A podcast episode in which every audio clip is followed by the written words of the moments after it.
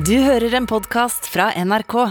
Jeg hadde kvaler med å skulle ta opp eh, strømpriser og energipriser i en situasjon der eh, flyktningene velter ut av Ukraina og uskyldige mennesker blir eh, drept. Men samtidig så er jo nettopp energikrisen noe av det aller mest dramatiske vi står i nå, som, der, der denne krigen virkelig setter fotavtrykk i nesten hver en krok av verden. Og det er selvfølgelig dramatisk når EU eh, bestemmer seg for å forsøke å kvitte seg med russisk gass innen et år. Altså kvitte seg med to tredeler av russisk gass innen et år. Og det er selvfølgelig også superdramatisk når strømprisen i Norge blir 10 kroner i kilowattimen, og det koster 2000 kroner, over 2000 kroner å, å ha på en panelovn i løpet av en måned. Så det er på alles lepper. Strømprisene og bensinprisene det får helt konkrete og uh, ofte drastiske utslag i folks hverdagsliv. Sånn sett så er det ikke vanskelig å begrunne. Men uh, jeg lover at uh, det var en vurdering, og at vi helt sikkert kommer til å forsøke å ja, hva skal jeg si balansere det opp i kommende sendinger og sette mer eh, fokus på det, de humanitære aspektene ved denne forferdelige krigen.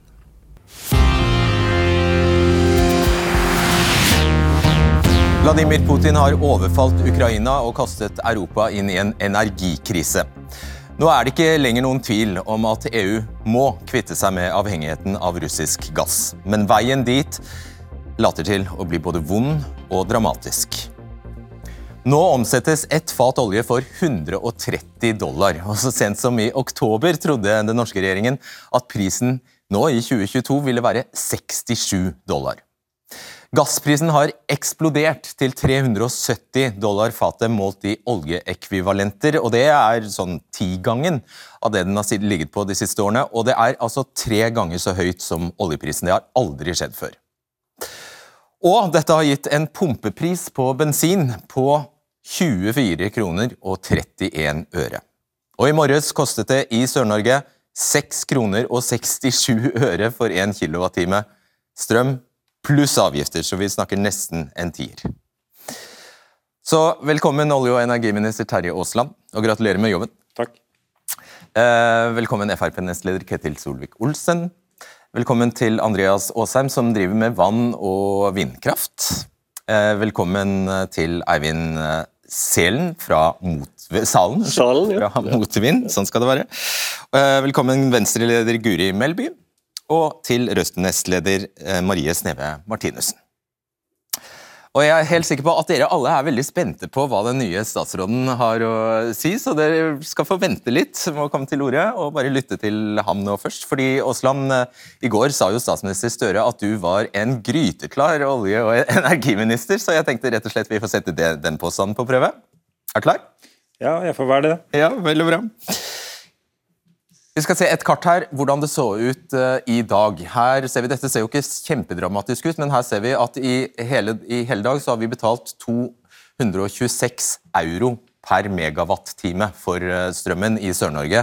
Oversatt til kroner så er jo det altså nesten 3 kroner eh, kilowatt-timen, pluss avgifter selvfølgelig. Men i morges, som jeg sa, så kostet det altså over 6 kroner per kilowatt-time. Eh, og så ser vi at I Tyskland så har prisene bitt seg fast på sånn 4-5 kroner kilowatt-timen. Dette, Årsaken til at dette skjer, Terje Aasland, det er fordi du vil ha oss med i et europeisk kraftutvekslingssystem der vi har utenlandskabler, og der vi får i stor grad europeisk kraftpris. Og disse kraftprisene har vi nå skjønt styres av russiske gasspriser. Vil du fortsatt ha et system som fører til at vi, vår strøm her i Norge koster 10 kroner kilowattimen? Det bildet der forteller oss at eh, Europa er i en energikrise, veldig tydelig. Og Den forteller oss også hvor avhengig Europa er av russisk gass for å ha energitrygghet og stabilitet. Derfor er det viktig at vi gjør det vi kan for å avhjelpe situasjonen i Europa nå. Og da er Vårt viktigste fortrinn at vi kan eh, ha en stabil, forutsigbar og høy gassproduksjon som vi kan bidra til at eh, Europa ikke minst blir mindre avhengig av russisk gass. Skal du nå svare på spørsmålet om du vil ha dette systemet som fører til at vi får en kilowattpris på 10 kroner i Norge? Nei, Vi må nødt til å ta realitetene i, i den al alvorlige og meget dramatiske situasjonen som er. Og det er at uh, Europa har vært avhengig av russisk gass nå. Og så viser også det kartet veldig tydelig at hvis ikke vi klarer å lage en stabilitet, tillit mellom ulike leverandører eh, av energi, så får vi den situasjonen som er nå. Den situasjonen som er nå, er helt uholdbar. Mm, det er vi vel ned, Vil du ha systemet? Nei, så har vi satt ned en energikommisjon som nå skal vurdere alle sider av det som har skjedd nå i vinter og det som nå skjer. Og Så må vi komme tilbake til når Energikommisjonen har lagt fram sin vurdering i desember, og så treffe gjennomtenkte beslutninger på en meget alvorlig og meget dramatisk situasjon. Det er ikke ønskelig, det er ikke formålstjenlig for noen at vi har en situasjon nå hvor energien spiller inn i tillitsforhold mellom land som er helt avhengig av hverandre. Så Vi må nødt til å finne gode løsninger, stabilisere situasjonen. og Det beste utgangspunktet for å gjøre det, det er å sørge for at Norge er en eh, trygg, tillitsfull og langsiktig leverandør av gass som den viktigste mm. energikilden i Europa. Så jeg klarer ikke å eske ut et ja eller nei på om du vil fra deg, som nyslått eh, statsråd på feltet, for om du vil at Norge skal delta, og fortsette å delta, i dette europeiske kraftutvekslingssystemet? Altså, det kraftsystemet vi har hatt, og som vi har, det har tjent Norge godt fram til nå. Nå er det krise i Europa energikrise. Vi det baserer seg på Nei. Når det går bra, så diskuterer vi det jo ikke. Vi diskuterer Nei, men Derfor er det viktig at vi nå, nå, ser det i lys av det som faktisk skjer. Og Hvis ikke vi gjør det, så er vi kommet sjøl i en ganske alvorlig situasjon. Okay. Vi er nødt til å sørge for at vi stabiliserer det, etablerer tillit i en tid hvor tilliten er i ferd med å svekkes mellom land. Vi må sørge for at vi klarer, vi også, å bidra til at eh, Europa får en energitrygghet. Det også trygger Norge. Ja. Den europeiske planen er altså å bygge, bygge, bygge, bygge, bygge masse ny fornybar kraft kjempefort for å bli kvitt avhengigheten av russisk gass. Eh, vil Norge bidra med det, altså å bygge, bygge, bygge, selv om vi egentlig i prinsippet er selvforsynt med strøm? Vi trenger å bygge ut mer fornybar kraft i Norge. Vårt mål er veldig tydelig. Vi ønsker tilstrekkelig energi i eh, tilstrekkelige mengder for å nettopp sørge for at vi har tilgang på nok og rimelig kraft i det norske kraftsystemet. Hvor skal de vindmøllene havne? da? Vi har eh, nå av, eller kommer til å starte utbyggingen av Sørlige Nordsjøen 2. Eh, Der er det 1500 megawatt, 7,5 terawatt-time. Det betyr mye i det norske kraftsystemet. Vi tar det inn til det norske Når kraftsystemet. Når det norske forbruket er 140 TWh, så snakker du om 7? 7,5 TWh ja. vil bety en forskjell inn i et eh, prisområde som er veldig hardt belasta. Sånn Må flere regne med å få en villmølle i hagen? Hva sier du? Må flere nordmenn regne med å få en vindmølle i hagen? Nei, det er ikke det det er snakk om. Vi har et enormt uh, energipotensial med havvind. Vi skal utnytte det, men vi skal gjøre det innenfor bærekraftig, ordentlige uh, formål. Men det er viktig at vi får det på plass. Det kan ta to dimensjoner i seg. For det første så får vi på plass mer uh, fornybar kraft. I tillegg så kan vi nå starte et nytt industrielt eventyr med å utvikle nettopp kompetanse, teknologi og leverandørindustri som kan være med å ta et globalt marked på spesielt dette med flytende havvind, som er en viktig innsatsfaktor i det globale bildet når det gjelder energitrygghet, stabilitet og ikke minst fornybar kraft. Vil du bare gjenta det svaret du ga meg, egentlig? Jeg er ikke helt sikker på om jeg oppfattet det rett sa du at ingen flere nordmenn skal få en vindmølle I hagen, som du spurte om. Det skal de ikke ha. og det I sin nærhet, da. Hæ? Jeg, jeg, okay, jeg, jeg omformulerer. Vi, vi sagt... Vil ingen nordmenn få flere vindmøller i sin nærhet på land? Vi har sagt at vi ønsker å også bygge ut vindkraft på land, men vi skal gjøre det i samarbeid med kommunene. Ikke mot kommunenes vilje, men vi skal ha kommunene med på laget. og Da må vi sørge for at kommunene får noe mer igjen for eventuelt å bruke areal til vindkraft. Du skal stikke til dem mer penger? De skal sitte igjen med noe mer av de verdiene som eventuelt eh, blir, eh, blir, i tilknytning til den energiproduksjonen. Og så må de se industrielle muligheter i det, for det er det faktisk. Tilgang på, på, sikker tilgang på rimelig kraft er også en industriell mulighet. Og med vindkraft eh, på land også, så vil de få det. Og kan vi legge til De har jo ikke vært enig med deg i det fram til nå, da. Men da, men, da skjønner jeg på deg at det bare er et spørsmål om hvor mye penger de får, så vil de bli enig med deg. Nei, men kan, kan, kommunene se mulighetene i det, istedenfor okay. å føle seg overkjørt? Så er det tror jeg, mye lettere å få kommunene med på laget. Det vi har sett fram til nå, det er at noen ønsker å overkjøre kommunene. Overstyre ja, kommunene. Og da får vi ikke ja. med oss eh, kommunene i det systemet, og det er viktig for denne regjeringen. Den debatten tar vi en annen gang. Strømstøtten deres, som jo i realiteten de aller fleste nordmenn mener bare er en tilbakebetaling av penger dere absolutt ikke skulle tatt inn. Eh, er på 80 av eh, prisen over 70 Eller egentlig ikke 70, faktisk 87,50 eh, øre. 87,5 øre over, over snittet. Altså på, på 87,5 øre. Hvorfor gir du ikke 100% Vi har bestemt i dag at vi skal forlenge strømstøtteordningen. og Det er viktig i en tid hvor usikkerheten er stor. Og så holder vi nå på å utforme detaljene i det. Kommer til å presentere veldig raskt eh, akkurat hvordan den Bare Svar enkelt på det. Hvorfor gir dere ikke 100% Jeg har sagt at I dag har vi bestemt at ordningen Ja, forlenges utover mars. Det er, en, jo, men det er en viktig forutsetning i en tid hvor prisene antatt blir vedvarende høye gjennom sommeren, utover høsten, kanskje til Ja, vinteren igjen. ikke 100 Og da har vi sagt at eh, vi, vi forlenger ordningen, som vi mener fungerer bra. Og så får vi vurdere, når vi utformer nå detaljene i det, hvilken, eh, hvilken komponenter som skal være der, og hvordan støtteordningen endelig skal utformes. Når skal bilistene få støtte? Nei, Vi har valgt å prioritere husholdningene, landbruket, frivilligheten, kulturen og de som har dårligst råd i den eh, situasjonen som vi har vært i i vinter. Og Det har vært utgangspunkt i enormt høye strømpriser. Det er det vi har valgt å prioritere. Ja, så bensinprisene og dieselprisene de kan bare gal galoppere? Dere har ikke tenkt å Nei, det er en uheldig situasjon. Det er en, også en uheldig situasjon, en dramatisk situasjon knytta til det. Men vi har valgt å prioritere uh, og Ja, det, avhjelpe spør, situasjonen knytta til ekstremt høye strømpriser. Ja, jeg vet Dere har prioritert strøm, eh, strømstøtte til nå, så jeg spør når det samme skjer med bensinprisen og dieselprisen, hvor blir støtten av da? Nei, altså vi har valgt å prioritere, sier jeg. Prioritere, det betyr at vi velger. Og vi har valgt å støtte husholdningene med, med en reduksjon i den eh, prisen som Har- ligger i markedet. Ja, men har du vurdert det? Nei, vi har ikke vurdert det nå. Vi har sier at vi har prioritert Uh, dette med strømstøtte til husholdningene. Hører det? Enda 60% av den prisen der er jo statens inntekter. Prisen på energi totalt sett er urovekkende høy. Folk sliter, vet har- du. Eh, Inkassobyråene har en 50 økning fra februar eh, i fjor til februar i år. Nå har vi vært innom et bakteppe. Ja. Dramatisk. Mm. I Ukraina så utspiller det seg nå et drama. Mennesker blir sendt på flukt. Eh, barn, familier blir hardt ramma. I den situasjonen så utspiller det seg en tillitskrise.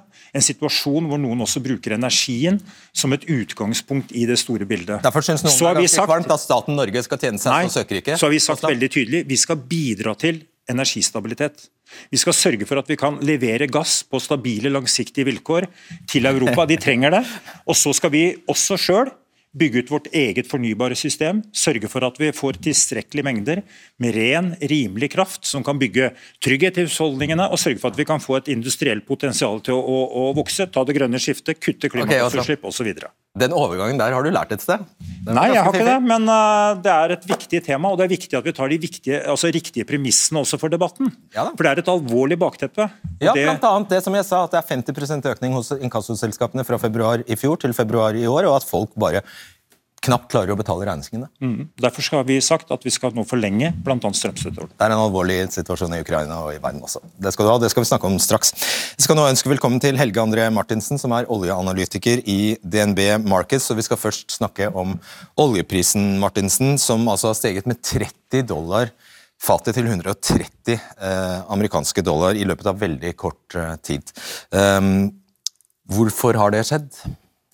Enkle svaret på det er jo at vi har en konflikt gående mellom Russland og Ukraina, og Russland er verdens nest største oljeprodusent. Produserer 11 millioner fat per dag, og verden konsumerer ca. 100 millioner fat per dag. så Det betyr at de står for ca. 10 da, og dekker verdens etterspørsel. Så da er det en frykt i markedet for at vi kan miste russisk olje. Og vi ser også tendenser til at folk velger å ikke kjøpe russisk olje, og dermed stiger prisene. Ja, vi så et sånt eksempel som at Shell fikk skikkelig på pokeren for å kjøpe russisk uh, olje, og de, så gjorde de kuvending og stengte ned alle bensinstasjonene sine, f.eks. Ja, og Det er et uh, viktig poeng, egentlig, fordi at sanksjonene så langt har jo vært designet sånn at energiflyten egentlig skal opprettholdes. Men så har vi sett tendenser til det vi kan si selvsanksjonering. At både individer og selskaper velger bort eh, russiske produkter. Eh, Og, og, og som du sa, Shell fikk eh, tyn eh, for, for sitt kjøp av russisk olje. Og vi ser da at verdikjeden egentlig knekker på, på russisk olje fordi at folk tar hendene av fatet. Bankene vil ikke finansiere. Forsikringsselskapene vil ikke forsikre laster. Skipseiere vil ikke ha de om bord. Og dermed så får du et avbrudd av russisk olje ut i verdensmarkedet, og med stigende priser som konsekvens. Men klarer verden seg uten russisk olje? Enkle svaret på det er jo nei. Eh, Russland er en altfor stor oljeprodusent at vi klarer oss uten russisk olje. Vi har noe ledig kapasitet i Midtøsten, Eh, men generelt sett så er det sånn at verdens oljeproduksjon går stort sett på, på full, eh, full, rulle hele tiden. Sånn at du kan kompensere for noe bortfall. Hvis vi får et betydelig bortfall av russisk olje, så betyr det at vi må ha etterspørselen etter olje ned. Og hvordan gjør vi det? Jo, med stadig høyere priser, sånn at vi endrer forbruksvanene våre. Ja, og da er det noen bedrifter som ikke lenger kan drive, og det er eh, veldig mye som går i stå. Da blir det smerte for konsumentene i verden. Nettopp. La oss gå over til eh, gass. Her ser vi prisutviklingen på eh, gass. Vi, hører, vi, har hørt veldig mye om hvor avhengig Europa er av gass. Hvor avhengig er Europa egentlig av gass fra Russland? Europa er ekstremt importavhengig generelt. og Hvis vi inkluderer den norske gassen, i importen til Europa, så kan man si sånn grovt sett at eh, Europa dekker 80% av konsumet sitt via import, og, og røftlig 40% av det er fra Russland. Mm. Og så rasler Russland med sablene, truer med å stenge den store eh, gassrørledningen Nord Stream 1 mellom Russland og Tyskland. og hva, Hvordan svarer markedet på det? Altså Markedet har jo, altså som, som, vi ser på grafen her, så har prisene eskalert voldsomt. Det er ute av alle historiske proporsjoner. Så markedet har allerede priset en risiko da, for, for avbrudd av russisk gass. og Det kan jo skje egentlig på tre måter. Enten det at eh, vi velger å ikke kjøpe russisk gass, altså embargo, eller at eh, Putin skrur igjen kranene og ikke vil sende gass til Europa, som du nevnte. Eller så kan krigshandlingene i Ukraina ødelegge gassinfrastruktur som går fra Russland via Ukraina og inn i Europa. Så la oss se på sammenhengen. Det er ikke helt umiddelbart uh, at man forstår at denne grafen her viser hva som skjer med den norske strømprisen når uh, den russiske gassprisen eh, stiger, men det har en sammenheng. Hva, hva, ser vi her? Det vi ser her er at det er en ekstremt god sammenheng mellom europeiske gasspriser og europeiske strømpriser. Så det vi egentlig ser på her, er, er nederlandske gasspriser mot tyske strømpriser. Og som vi ser, så er det en perfekt korrelasjon. Eh, og med dagens gasspriser så, så tilsvarer det tyske strømpriser på ca. 4,5 kroner kWt. Og, og, så er det så enkelt at hvis gassprisene dobler seg, så dobler strømprisene seg. Og, og som dere var inne på her tidligere, så er jo Norge eh, henger jo sammen eh, strømmessig med, med kontinentet. Eh, og, og, det får jo da implikasjoner for Norge når eh, gassprisene stiger og strømprisene stiger på kontinentet. Uh EU har i dag lagt fram det første utkastet. Ja, her ser vi forresten et uh, kart som viser uh, hvor uh, mesteparten av den russiske gassen havner, og brorparten i Tyskland. Brorparten i Tyskland og i Italia, og så generelt da øst egentlig mot Russland, nærmere Russland, til mer avhengig er man stort sett. Eh, og så har EU i dag lagt frem en plan om hvordan man i virkelig sånn ekspressfart skal greie å kvitte seg med denne avhengigheten etter russisk eh, gass. Siden året er omme, faktisk, sier de at man skal klare å kutte to tredeler av den avhengigheten. Eh, hva er ellers Europas svar på dette? Europas svar er jo tre faktorer, egentlig. Det er mer fornybar energi, mer fokus på energieffektivisering og diversifisering av gassimporten. Det er hva betyr det siste? Diversifisering? Det betyr at du prøver å få skaffe deg gass fra andre leverandører enn en Russland. Uh, og, og, det vil primært gå da uh, på skip, det som er kjent som flytende naturgass, LNG. Kom, vil da komme seilende inn i Europa fra andre destinasjoner og sørge for at man kan da kvitte seg med mer russisk gass. Men det betyr at vi da tar gass som ville normalt sett bli konsumert et annet sted. Så det er jo en utfordring for den globale gassbalansen, eh, dette som skjer nå. Og den, den, endringen som Europa ønsker å gjøre. Nettopp. Takk for den eh, innføringen og leksjonen. Tusen takk. Ja, Da er det altså det første Norge må ta stilling til. Det er om vi skal være med og redde Europa fra denne avhengigheten av russisk gass. Altså, vil vi eventuelt bygge ned vår natur for å få opp vind og solkraft, og om vi skal selge strømmen vår til høystbydende. Jeg skal prøve meg på en eh, ja-nei-runde på dette. her, Vi får se hvordan eh, det går. Eh, begynner med deg, Eivind Sand, som altså er styreleder i Motvind. Hva er svaret ditt? Nei. Nei. Og hva med deg, Andreas Aasheim, som altså du jobbet i mange år i Norvea, som er en norsk vindkraftforening. Nå representerer du Cloudberry, som utvikler og driver vann- og vindkraft. Hva er svaret ditt? Ja. ja. Olsen? Nei til å bygge ned naturen, ja til å øke gasseksporten. Ja, Og nei til å hjelpe Europa, da? Det er mye mer hjelp i gass enn i litt grann fornybar. Altså, ja, ja, ja. Kommer tilbake til det. Guri Melbu? Selvsagt må vi bidra til å gjøre Europa uavhengig av russisk gass. Marie Sneve Martinussen? Nei til å bygge ned natur fordi det finnes andre alternativer. Ja. Og ja til å eksportere, da, eller? Nei, nei til, eh, altså det, Vi kan godt eksportere den overskuddet vi har i dag, det har Rødt ikke sagt at imot, men nei til et uregulert krafteksport sånn som vi har i dag. Ja, og statsråd? Vi må være en uh, viktig premissleverandør for at uh, Europa kan gjennomføre det skiftet de skal gjøre nå. Gass vil være hovedingrediensen, og så skal vi fortsette den kraftutvekslinga vi har. Men vi skal gjøre det på en sånn måte at ikke vi ytterligere eksponerer det norske kraftsystemet for eksport. Ja, Men den løsningen har du ikke funnet? Den uh, har vi funnet fordi vi allerede sagt at vi ikke skal bygge flere utenlandskabler. Og vi har starta utbyggingen av Sørlige Nordsjøen 2 uh, med en uh, kabel inn til Norge, istedenfor å legge en hybridkabel som hadde kunnet medført at den fikk eksport i visse tilfeller. Ok, Vil du først forklare hvem dere er, Motvind? Vi er Motvind Norge vi er en medlemsorganisasjon med ca. 19 000 medlemmer. Vi starta i, i 2019 og ble øyeblikkelig den raskest voksende medlemsorganisasjonen som har vært. Og Det er pga. den første forsøket på å utbygge vindkraft. Den gikk aldeles galt. at uh, Der følte jo folk seg overkjørt. Uh, det gikk altfor fort fram. Og eh, Folk mista jo landskapene sine, mista jo nærområdene sine, mista naturen sin. Og kommer her til starten og ber på sine knær nå må dere se at nå må dere ta hensyn til oss. Og så er det Reaksjonen har ikke vært tilfredsstillende, da.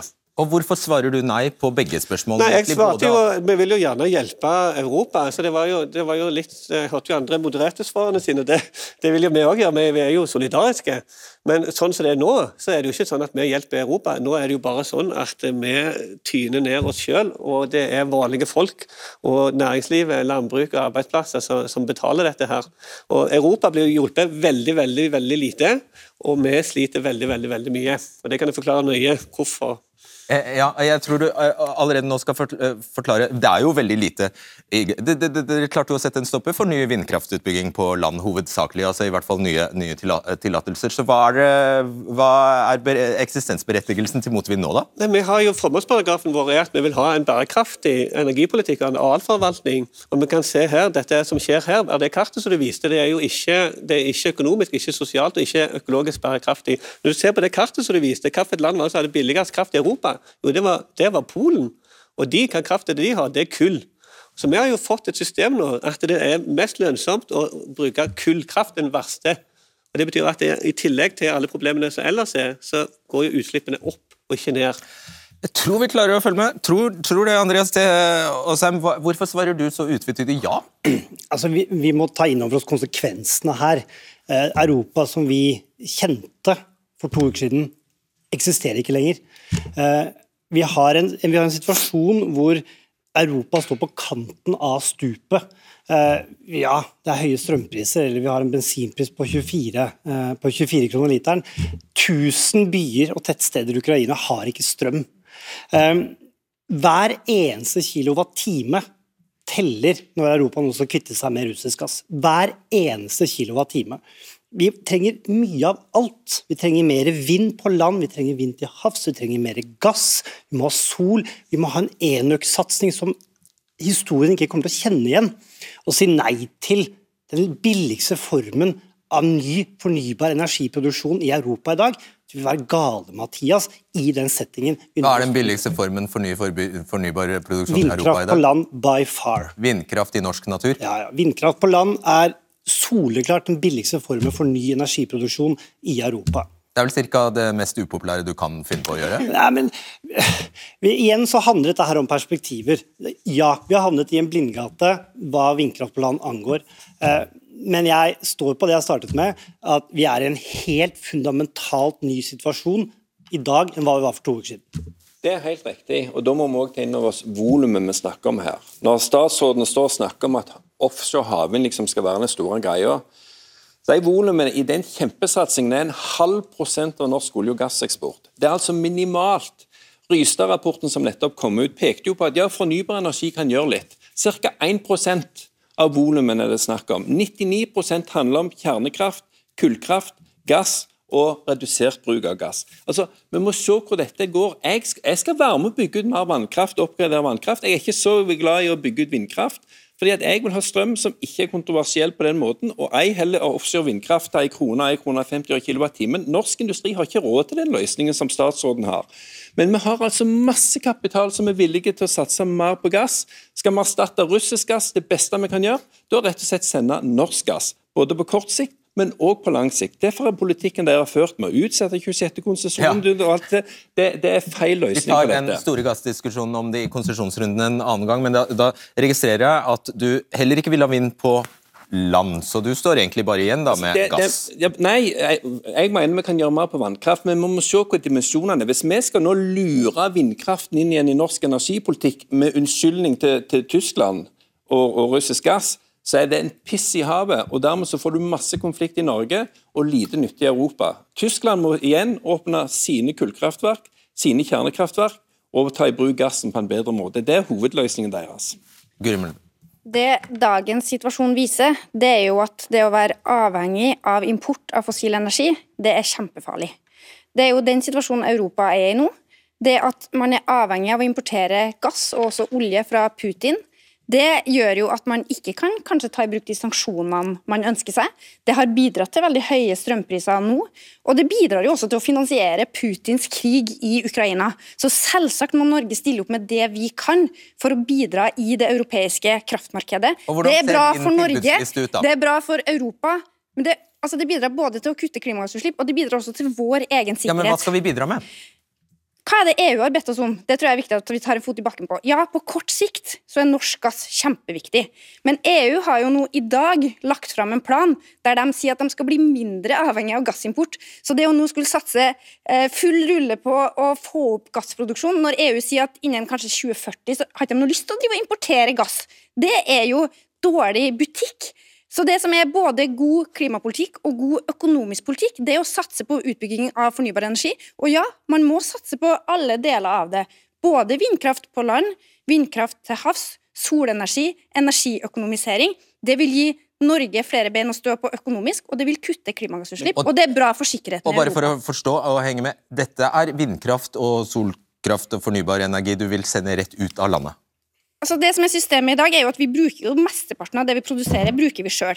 Og så har vi kraftutveksling med, med, Europa. Det som det bidrar til ja, Vær snill med meg nå. Jo, men det, som, gjør det enkelt å... Med, det som det bidrar til, er at vi ikke trenger å bygge ut så mye natur. Hvis vi skulle ha ført Rødts politikk nei, nei, nei, og kutta overføringskablene, så ville vi måtte bygd ut masse norsk energi. Fordi at da måtte vi ha hatt kapasitet for en ekstremsituasjon. Når vi nå har kraftutveksling med Europa, så kan vi ha kapasitet for en normalsituasjon. Det betyr at stort sett eksporterer vi, men noen ganger så importerer vi også. Ja, men du vil, altså, så jeg vil, ha, jeg vil ha overføringskabler til Europa. Det tjener Norge penger på, det tjener klimaet på, det gjør Europa sikrere. Og de vil bygge ut vind og sol i Norge, som hovedsakelig skal eksporteres. Kan du bare si det? Nei, altså Vi bruker jo mesteparten av krafta vår hjemme, og det skal vi fortsette å gjøre. Men vi skal også eksportere. Staten ja, det er, vent, vent, Martines. Ja, Martines. Altså det som ikke har forandret seg på de siste ukene, er jo at norske minstepensjonister og uføretrygda har ikke blitt noe rikere. Og Vi skal ha ganske høy lønn hvis vi står her og påstår at det ikke er alvorlig for folk når strømprisen er på seks kroner. Og Det det også er alvorlig for, er jo norsk industri. Og Jeg godtar ikke premisset om at den eneste måten Norge eksporterer kraft på, er hvis vi eksporterer det i kilowattimer strøm. Når vi produserer stål, aluminium i prosessindustrien i Norge på verdens mest fornybare og klimavennlige måte, så produserer vi råvarer som Europa trenger. Og hvem andre produserer de råvarene? Det er jo Russland. Så det at vi skal eh, legge ned vår egen, eh, råvar, altså vår egen foredlingsindustri av kraft i Norge, for å eksportere kraften, er jo ikke nødvendigvis noen løsning på å gjøre Europa og verden mindre avhengig av Russland. Så jeg godtar ikke at det kun er strøm som er eksporten. Vi eksporterer faktisk kraften vår, men i videreforedla har skinnende metallsform. Men ærlig, ja, jeg vil gjerne ta Åsheim som sier at det er billigst, altså billigste å produsere vindkraft. Det er jo ikke så interessant for oss forbrukere at det koster 30 øre å produsere vindkraft, det koster 11 øre å produsere vannkraft, når vi betaler 6 kroner for den krafta som kommer der. For det er jo utgangsprisen. Det er det som teller. Vindkraften, hvem er det som eier den? Det er utenlandske selskap som ikke betaler skatt. Vi får ingen glede av den, at den er billig å produsere. Og det Systemet som er sånn at du skal ha den kraften som er billig den skal få lov til å bli produsert, det er gift for landet vårt. For Det betyr at det, hver eneste turbin vil være lønnsom å sette opp, men det vil aldri aldri, aldri klare å dekke behovet. Det er fem turbiner som er satt opp på startlandet, ødelagt det ikoniske landskapet som vi har fått fra evigheten, for å si det litt flott, vakkert. Det må gå i 100 år for å erstatte produksjonen på, i norsk sokkel av olje og gass én dag. Vil du svare på det? Ja, altså Vi må nødt til å bygge ut mer fornybar eh, kraft i Norge. Og vi må sørge for at vi bygger ut på en mest mulig skånsom måte. Men det som er det dramatiske nå, det som er årsaken til de høye prisene, det som er årsaken til dramatikken, det er jo ikke det at det er farlig å importere gass, det er jo at det er krig i Europa. Og Det er den største gassleverandøren eller største energileverandøren i Europa som har gått til krig mot et annet land.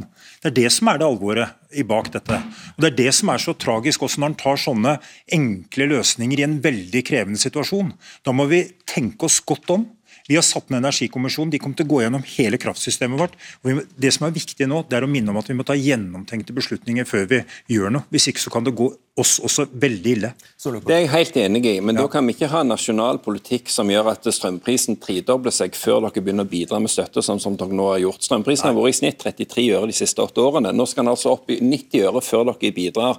Staten tjener tre ganger mer enn normalt, og så skal dere være snille og, og avhjelpe litt. Men Altså, litt av diskusjonen her det er å forstå hva volum vi snakker om. Altså, selv om jeg hadde fått viljen min og gjort mye mer på vannkraft, så er det likevel en bitte liten dråpe i det store ja, havet. Vet apropos de sju, ja, eller det er snakk om sånn 11 TWh, sier man om det. Så det er fortsatt lite. og Når Venstre later som at Europa ikke trenger gass, når Tyskland nå sier de skal bygge to LNG-terminaler, når Rødt later som at nei, dette handler om, om andre ting sånn. Norge eksporterer 22% av, russisk, nei, av Europas gass. Den skal jo de stenge.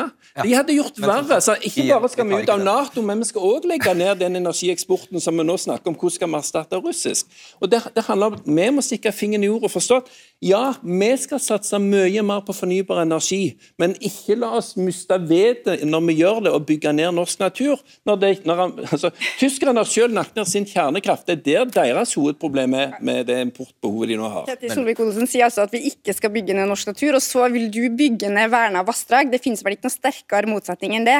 Det er fullt mulig å bygge ut mer fornybar energi uten å ødelegge natur som vi er nødt til å ta vare på. Men jeg, jeg synes det er veldig bra at olje- og energiministeren er tydelig på at det her er komplisert. og Det finnes ikke enkle løsninger, og vi er nødt til å satse på mange ting samtidig. Både for norske strømforbrukere sin del, for energisikkerheten i Europa og for sikkerheten i Europa. Og Det vi har utfordra olje- og energiministeren på, det er å gi et tilleggsoppdrag til denne energikommisjonen om å se hele sikkerhetssituasjonen i Europa inn i det arbeidet de skal gjøre. Se på hvordan Norge kan bidra til Europa. Og Det handler litt om solidaritet med Europa. Jeg synes Det er litt synd at ikke venstresida har det litt sterkere opp. Men det handler også om vår egen sikkerhet. For hvis Europa trenger oss, så er det også bra for Norge. Svar kort på det. Ja, Nå er ikke Energikommisjonen satt opp for å diskutere og drøfte eh, sikkerhetspolitiske spørsmål i Europa, men den skal diskutere og drøfte eh, sikkerheten knytta til det norske kraftsystemet. Eh, og hvordan det blir påvirka av omgivelsene. og Det er viktig, og det, det, oppdraget, det oppdraget ligger der. Så Det er det som er den viktige oppgaven. Altså, Energipolitikk er jo sikkerhetspolitikk. og Hvis vi ennå ikke har forstått det, da vet jeg ikke hva vi driver med her. Altså. For den eneste grunnen til at vi har skyhøye kraftpriser, det er at Putin har brukt gass som våpen det siste året. Eh, nå har Europa skal altså fase ut 1200 TWh med russisk gass på ni måneder, ene og alene, selv om man forstår konsekvensene. Du snakket om Polen. Polen brukte tre dager på å koble Ukraina av det russiske nettet og si vi skal sørge for at dere har strøm på tre dager. Og så skal vi stå her og snakke om hvorvidt vi skal bidra med noen terawatt-timer gjennom noen kabler. I år så kommer vi til å tjene 1500 milliarder kroner ekstra på fossileksport. Det er mye støtte til minstepensjonister. Det er mye enøk. Det er altså så mye penger vi kan bruke til fornuftige ting. Ja, først sa den også, Martin. Eh, med respekt å melde så var jo strømprisen høy òg før denne her krisen dukker opp. Og Problemet med at den blir høy, det er jo fordi at vi tapper ned vannkraften vår og eksporterer til Europa. Det systemet der det er sløsing. Kabelen fra, kabelen fra Norge til Tyskland den lekker. 5% forsvinner på veien av 1400 megawatt. Det forsvinner på veien. Det er hele det er, altså, ikke, altså det er 1470 det er jo da 70 megawatt. Det er jo hele Tysvær vindkraftverk, der naboene nå blir lagt inn på sykehus fordi at eh, det er plaga av støyen. Og Vardafjell, der òg 100 naboer er plaga. Og det er for at skal, den kraften skal forsvinne på vei til Tyskland. Martinussen. Nå er det her en debatt. Jeg vet at det er ikke det mest eh, barskeste temaet å diskutere energieffektivisering, men De fleste er jo enig i at det er lurt. Likevel så har vi gjort altfor altfor lite på det i Norge. og jeg tenker at Det er kanskje fordi at temperaturen ikke blir så høy når vi snakker om energieffektivisering, for det er alle for. Men likevel så bruker vi altfor lite penger på det. De pengene vi tjener nå, kunne vi jo brukt på å etterisolere hvert eneste hus fra Nordkapp til Lindesnes. Og da tenker jeg at Det mest miljøvennlige, det billigste, er jo åpenbart å spare energi. Stortinget har satt mål, forrige regjeringa, denne regjeringa, alle er enige. Likevel så er det sånn at den støtten man fikk for å installere varmepumper, som faktisk er så viktig at Det internasjonale energiforbundet har satt ett av sine ti punkter handler om varmepumper. Fantastisk teknologi. Det får man ikke lenger enøkstøtte eller Enova-støtte for å gjøre. Og Det betyr at alle de folkene som har dårlig råd, som sliter med høye strømpriser, mm. de kunne fått betalt en, for energieffektivisering. Ja, si en ting, Martinus. Grunnen til at vi i hvert fall har til gode å avholde en egen debatt om energiøkonomisering, enøk, det er fordi nettopp Egentlig så viser dere Jeg vet ikke om kameraet viste det i sted, men alle, alle står og nikker. Jeg vet det, men hvorfor skjer det ikke? Det er jo frustrerende. Så derfor har man, ja, hvor, hvorfor er det sånn? Hvorfor, Nei, hvorfor har, nikker alle, og så skjer det ikke noe? Altså, vi har allerede i budsjettavtalen vår med SV eh, sagt at vi skal jobbe målretta konkret, få opp tiltak som gjør det enkelt for husholdningene, og også investere i, i eh, gode enøktiltak. Også de hvor eh, teknologien er velkjent. Og så har vi sagt at vi skal rapportere på det i tilknytning til statsbudsjettet for 2023. Ja. Men altså, du må jo også være ærlig og si at hvis du setter en makspris på strøm, sånn som Rødt vil, så blir det ikke mer energiøkonomisering. Altså, vi ser jo nå at det at strømprisene har økt altså Ingen vil ha de strømprisene vi har nå, men det at prisen på energi blir litt høyere, det vil også øke insentivet ganske kraftig for å spare mer i strøm. Og du trenger ikke å vente på noe, noe avtale med SV. Unnskyld, jeg må bare Altså Når det koster ti kroner for strømmen per kilowattime, ja. er dette virkelig dagen å påpeke at vi ikke må sløse? Er det er det? det? Altså, energi Det, det vi ser av ja, Men det er vel ingen nordmenn som sitter og sløser strøm av, i dag? Nei, det vi ser av dagens situasjon, det er jo at energi er en knapphet i verden. Og da er det faktisk viktig at alle, både i Norge og i resten av verden, bruker den på en fornuftig måte. Men altså, jeg mener jo åpenbart ikke at det skal koste ti kroner per kilowattime. Men det gjør det. Ja, og det mener jeg åpenbart ikke. Og det er fullt mulig å lage et system som gjør at vi får mer stabile priser for norske forbrukere. Altså, Den norske staten tjener seg søkkrik på denne situasjonen. Fett. Dette kan vi dele ut til forbrukerne, men makspris på strøm er ikke veien å gå for å få mer energiøkonomisering. Ja, den todelt pris med åpenbart den maksprisen gjelder opp til en grense. Det som er problemet er at det renner jo kaldluft inn av vinduene til folk. Samtidig så betaler de 10 kroner kilowattimen. De har ikke råd til å betale for de nye vinduene de trenger. Så de trenger faktisk penger til å gjøre kjedelige enøktiltak som ingen vil ha. Det er jo alle enige. Men altså, Poenget er at det har vært gjort mye enøktiltak, så kan det fortsatt gjøres mer. Og det kan bygges ut, oppgraderes vannkraft. Sånn. Poenget er at selv om vi hadde slutta å bruke all strømmen i Norge og sendt den til Europa, det er en tiendedel av den gassen og oljen vi sender til Europa. Sant? Det er poenget. Og så en, en, må ta inn over seg dette. og Selv om vi hadde fått til 10% av energisparing, og sånne ting, så er det fortsatt vi lukker øynene for det som faktisk betyr noe. Og det å satse på olje- og gassnæringen ja, vår for det, det Skal du erstatte russisk gass, så er det beste å gjøre å erstatte med norsk gass. Jeg skal være høflig siden du er ny. Du får fem sekunder til avslutning her. Tusen takk for det. fordi at Vi må gjøre egentlig alle de tiltakene som er mulig å gjennomføre. Og vi må gjøre det forholdsvis raskt hvis vi skal avhjelpe situasjonen som nå er i Europa. Ja, men Også vår egen, siden vi har vår egen, koster ti kroner. Selvfølgelig skal vi gjøre i forhold til vår egen, men noe av det viktigste vi skal gjøre, og da må vi nevne gass. Snøhvit starter opp igjen eh, i medio mai er det varsla. Det vil bety at vi kan levere noe mer gass inn i det europeiske markedet. Hjertelig takk skal dere ha. Eh, debatten er over, podkasten er klar snart, og vi ses forhåpentligvis torsdag.